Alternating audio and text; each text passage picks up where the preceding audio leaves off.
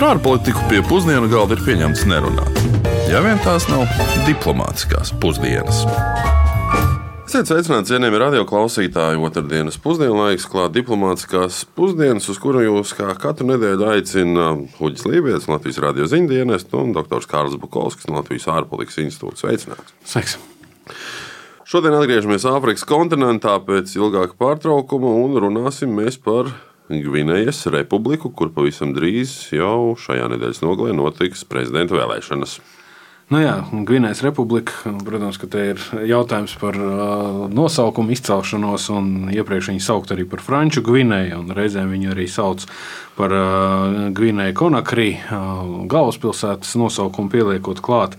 Nu, tikai tāpēc, lai nebūtu šis sajaukums ar netālu esošajām ekvatoriālās Gvinējas republiku un Gvinēju Bisau. Viņas visas ir Rietumāfrikas valsts un atrodas pie Gvinējas līča, kurš, starp citu, ir uzskatāms par nu, vismaz īsto pasaules centru. Par vismaz to mērāmo pasaules centru, jo tur krustojas gan ekvators, gan arī nulles meridiāns. Un vēl, protams, nevajadzētu jaukt Gvinējas republiku ar okeānā atrodamo Papua Jaungvinēju, vai arī tādā pašā Dienvidamerikā atrodamo un Francijas daļu faktisko Gvijānu, jeb Franču Gvijānu kur, starp citu, oficiālā valūta, tā kā tā ir Francijas sastāvdaļa, tad oficiālā valūta arī ir eiro. Un uh, Gvinējas nosaukums cēlies no portugāļu vārda Gvinē uh, 15. gadsimtā un uh, principā tika pielietots, lai apzīmētu tā ļoti nešķirojot visus Āfrikas iedzīvotājus, kas dzīvoja netālu no Senegālas upes. Nu, droši vien šo valstu nosaukumu mēs skaidrosim arī kādos nākamos raidījumos, kad runāsim arī par iepriekš minētajām valstīm. Bet ko par Gvinējas republiku zina mūsu klausītāji? To kolēģis Ulris Česberis centās noskaidrot, un lūk, ko par to zināt jūs. Ar ko jums asociējas valsts Gvinēja? Valsts Gvinēja? Nezināšu. Neko ne. Gvinēja. Es nezinu. Nē, nerako. Āfrika ir neģeri, tumšs, silts. Gvinēja ir Āfrika. Viss man jāsāc vēl viss. oh, protams, arī tur es neesmu bijusi. Par šo valsti man pat nav domas tādas. Nē. Gvinēja. Man vēl šobrīd neasociējas īsti ne ar ko. Nav bijusi saskarsme.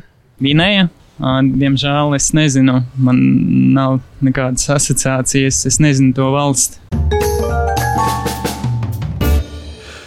Gvinējas stāsts ir ļoti sarežģīts, un tas demonstrē ne tikai visas Āfrikas valstu etnisko, kultūras un reliģisko bagātību un daudzveidību, bet arī daudzas tradicionālās problēmas, kas no tā izriet. Un daudz no tām ir saistīts tieši ar nabadzību. Kopumā Gvinēja ir musulmaņu valsts. Tajā dzīvo nedaudz vairāk kā 12,5 miljonu cilvēku, un tas kopā ir vairāki desmit dažādu etnisko grupu. Bet valsts oficiālā valoda ir franču valoda, jo Gvinēja ir pirmā Francijas kolonija, kas pasludināja neatkarību no Francijas, un ar to ļoti lepojoties joprojām. Nu jā, lielākā vecuma grupa ir līdz 14 gadiem. Īstenībā vairāk nekā 40% Gvinējas republikas iedzīvotāji ir vecumā līdz 14 gadiem. Tas ir faktiski bērni. Un uh, interesanti arī tas, ka vecumā virs 65 gadiem senioru pensionāri šajā gadījumā ir uh, mazāk nekā 4%. Un tas ir, protams, arī mēs esam iepriekšējos raidījumos jau runājuši gan Japānā, gan Dienvidkorejā. Tā tendence, par kuru mēs arī Rietumvalstīs ļoti bieži domājam, ir tas, ka nu, šī novecošanās, kas, kas kas mums ir ļoti raksturīga. Un tā pašā laikā Afrikas iedzīvotāju skaits pieaug un demografiskā struktūra ir tā uh, bieži pieminētā lieliskā piramīda. Bet uh, tajā pašā laikā tas liek aizdomāties arī par to, ka vecumdienu pieredze un zināšanas pret uh, jaunību. Šajā gadījumā jautājums ir par to, ka uzkrātā informācija, izglītība spēja radīt jaunas tehnoloģijas, domāt daudz sarežģītāk un kompleksāk. Un, ja tev ir liela daļa sabiedrības, kas ir ar pieredzi un zināšanām, tad jau faktiski tā sabiedrība ir pat bagātāka intelektuālā ziņā nekā tie jaunie ar darba spēku. Nu, viņiem, protams, ir enerģija, viņiem ir spēks, bet arī pašā laikā viss ir jāapgūst. Un lielā daļā gadījumu nu, tās zināšanas par tehnoloģijām, zināšanas kā tādas, lasīt prasmi, ieskaitot to pašu, kur Gvinējas republikas gadījumā ir pat diezgan strokējuša statistika. Ir viens no izaicinājumiem. Tā kā beigu, beigās mēs nedrīkstam aizmirst, ka, ja mēs dzīvojam pasaulē, kur informācija, un tehnoloģijas un zināšanas ir resursi un bagātība, tad tomēr tādīs valstīs, kur ir vecāka gadagājuma cilvēki, daudz vairāk īstenībā šis uzkrātais intelektuālais kapitāls ir acīm redzot lielāks. Gvinēja kopumā tiek uzskatīta par nabadzīgu valsti, lai arī tā ir lielākās pasaulē boksīta ieguves, no kurām Tostarp tiek ražots alumīnijs un arī lielākās neizmantotās augstas raudzes dzelzrūdas iegūs iespējas. Zelts, diamanti, kopumā arī auglīga augsne un būtiski hidroresursu upju grīvu dēļ. Tas viss Gvinēju padara par ļoti perspektīvu valsti, bet ir interesanti, ka lielākais darbdevējs Gvinējas republikā ir Krievijas alumīnija kompānija Rusal. Mm -hmm. Un um, saikne ar Krieviju politiski un ekonomiski ir ļoti nozīmīga. Un ir bijuši gadījumi, kad no sākuma Krievijas vēstnieks Gvinējā ļoti slavē valsti, un pēc tam pats kļūst par Rusal darbinieku. Un, jā, tostarp arī lielākais uzņēmums Rietumā, Afrikā visā ir alumīnija oksīdu rafinēšanas fabrika Frīgija, kas arī pieder Rusal. Vienais nominālais IKP ir divreiz mazāks nekā Latvijā. Un uh, iedzīvotāju skaita atšķirības uzreiz ir manāmas. Nu, kad rezultātā, piemēram, ja pēc pirksveids paritātes skatās, tad uh, uz vienu iedzīvotāju IKP Gvinējas republikā ir 1800 eiro apmēram, pret Latvijas uh, vairāk kā 23,000 eiro. Principā apmēram 12 reizes bagātāk ir Latvija nekā, nekā Gvinējas republikā. 80% Gvinējas republikas iedzīvotāji nodarbināti lauksaimniecībā, kamēr Latvijā nu, ir apmēram 12%, kas arī ir diezgan, diezgan interesants uh, fakts. Un tas, ko es jau sāku minēt iepriekš par izglītības līmeņiem, analfabētismu rādītāji ir viena no pašiem augstākajiem pasaulē. Jo tikai nedaudz, nedaudz vairāk nekā 40% valsts iedzīvotāju, pieaugušo iedzīvotāju. Un mēs esam atkal starp valstīm, kurām ir ļoti augsts kurām mūsu, mūsu gadījumā ir kaut kāds laikam 0,9% zem 100%. Un obligāti skola jāapmeklē Gvinējā ar 6 gadus, bet nu, realitātē bērni visbiežāk tiek turēti mājās kā, kā darba spēks palīdz vecākiem mājas darbos. Ir pat baumas, ka pat augstākās izglītības diplomu varot iegūt tikai nokārtojot Microsoft Word un Excel eksāmenus augstskolā. Man ar Excel būtu baigās grūtības. Jā, par Excel, par Excel tabulām runājot, Gvinējas republikas viens no lielākajiem izaicinājumiem ir augstie valsts parādi un pastāvīga atkarība no ārvalstu donoru palīdzības. Gvinējas, ap citu, skaitās arī viena no lieliem parādiem apgrūtināt nabadzīgo valstu sarakstu dalībniecēm. Un šis ir īpašs saraksts ar 36 valstīm, no kurām vairums ir subsahāras Āfrikas valstis, un kurām ir tikuši atlaisti to ārējie parādi no Startautiskā valūtas fonda un Pasaules bankas puses. Bet, nu, Jā, starp citu, tieši oktobra sākumā Startautiskais valūtas fonds kārtējo reizi piešķīra tranšu, lai valsts tiktu galā ar parādu un arī lai veiksmīgāk atkoptos no koronavīrusa radītās krīzes. Nu, parasti gan šie parāda atlaišana pamatsummas netiek atlaistas, tiek atlaistas tikai procentu maksājumi, kas ir uzkrājušies un kurus tāpatās atgūt ir praktiski neiespējams. Un, un šīs nabadzības dēļ Gvinējā ir vērojama patiešām brūkoša infrastruktūra. Gan regulāri elektrības pārtraukumi, slikti ceļi, tilti, dzelzceļa līnijas. Par spīti nu, visai labvēlīgam klimatam ir slikta piekļuve tik nepieciešamām lietām kā dzeramais ūdens, un tas rada kārtējās problēmas, nu, piemēram, ebolas vīrusu uzliesmojumu. Jā, un tieši ebolas vīrusu 2014. gadā, kas aizsākās Gvinējas republikā, radīja pamatīgas problēmas arī valsts ekonomikā un sabiedrībā kā tādā, jo nu, uz nepilniem 4000 inficēšanās gadījumi 2,5 tūkstoši beidzās ar nāvi. Nu, gadījumā ebolas vīrus ir daudz, daudz, daudz nāvējošāks, 25 līdz 90% iespēja, ka saslimušie nomirst. Bet nu, šīs ir tā teikt, tās dabiskās problēmas eh, sabiedrībai, bet, nu, protams, ka vēl ir arī iekšējās un eh, cilvēku pašizraisītās problēmas. Jo nu, nevar, nevar nepieminēt, ka viena no lietām, par ko Gvinēja ir.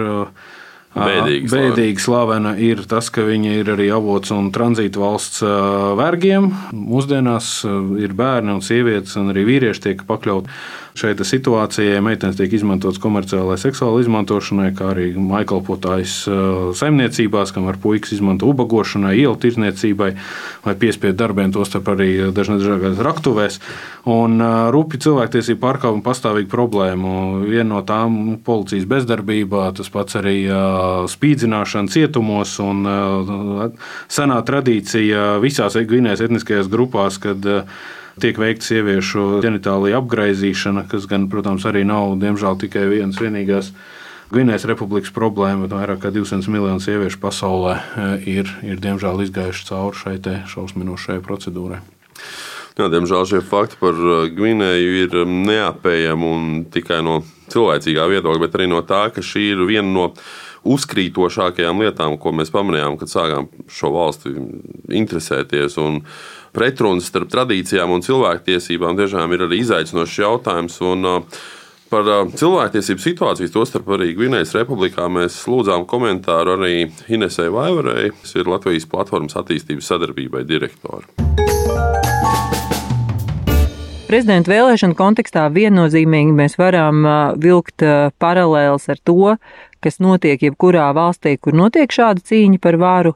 Tās ir negodīgums, opozicionāru apspiešana, es pat teiktu, diezgan tādas visiem atpazīstamas metodas, kuras, nu, neslēpsim, mēs varam arī atrast tepat mums kaimiņos.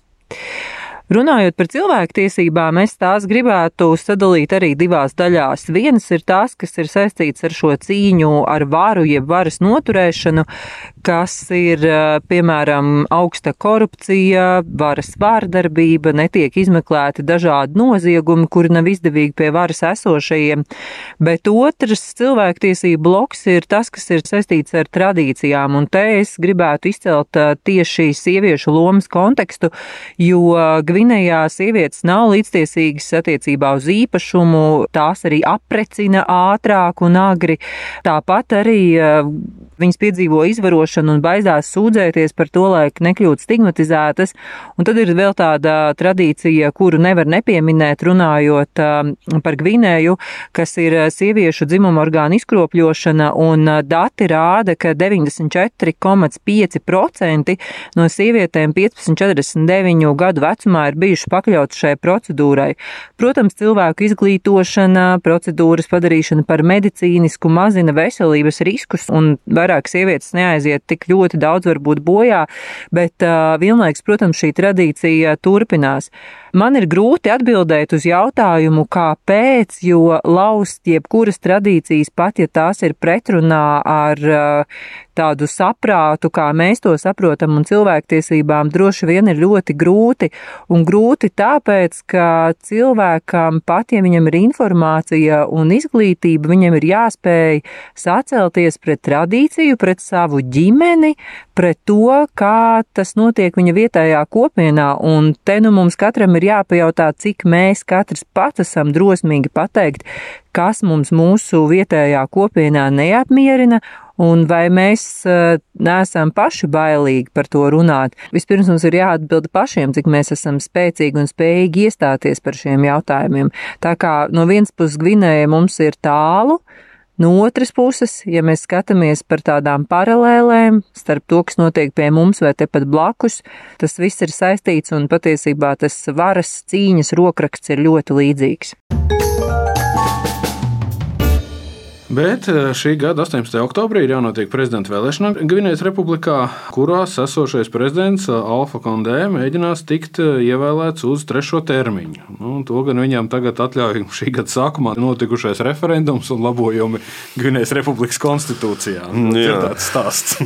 Jā, līdz pat šī gada martam Gvinējā prezidents amatu drīkst ieņemt uh, tikai divus pilnvaru termiņus, bet nu, tagad jā, tika panākts, ka prezidents varēs kandidēt vēlreiz uz amatu, jeb faktiski atrasties iesaistīties amatā neierobežot skaitu reižu. Tā uzskata opozīcija. Un tāpēc šāds lēmums izraisīja plašas protesta akcijas. Tajās tika nogalināti vairāki desmit cilvēku, gan valsts prezidents, gan drošības spēki tagad tiek vainoti par to, ka vainīgie tā arī netika saukt pie atbildības. Un um, opozīcijas līderis Dalēns Dialo ir pieprasījis, lai nu, jau 82 gadus vecais Kondē, kurš ir Starp citu, pirmais demokrātiski ievēlētais Gvinējas prezidents, mm. lai viņš atkāptos no amata, jo nesot ne, ne fiziski, ne intelektuāli spējīgs vairāk vadīt valsti. Un nu, pats Kondēgan ir paziņojis, ka šīs apsūdzības ir visai muļķīgas, ņemot vērā to, ka viņš 45 gadus ir bijis opozīcijā, cīnījies par demokrātiju un pret autoritāru valdīšanas stilu, un tagad būtu izklausoties diezgan absurdi, ka viņš tiek uzskatīts par diktatoru.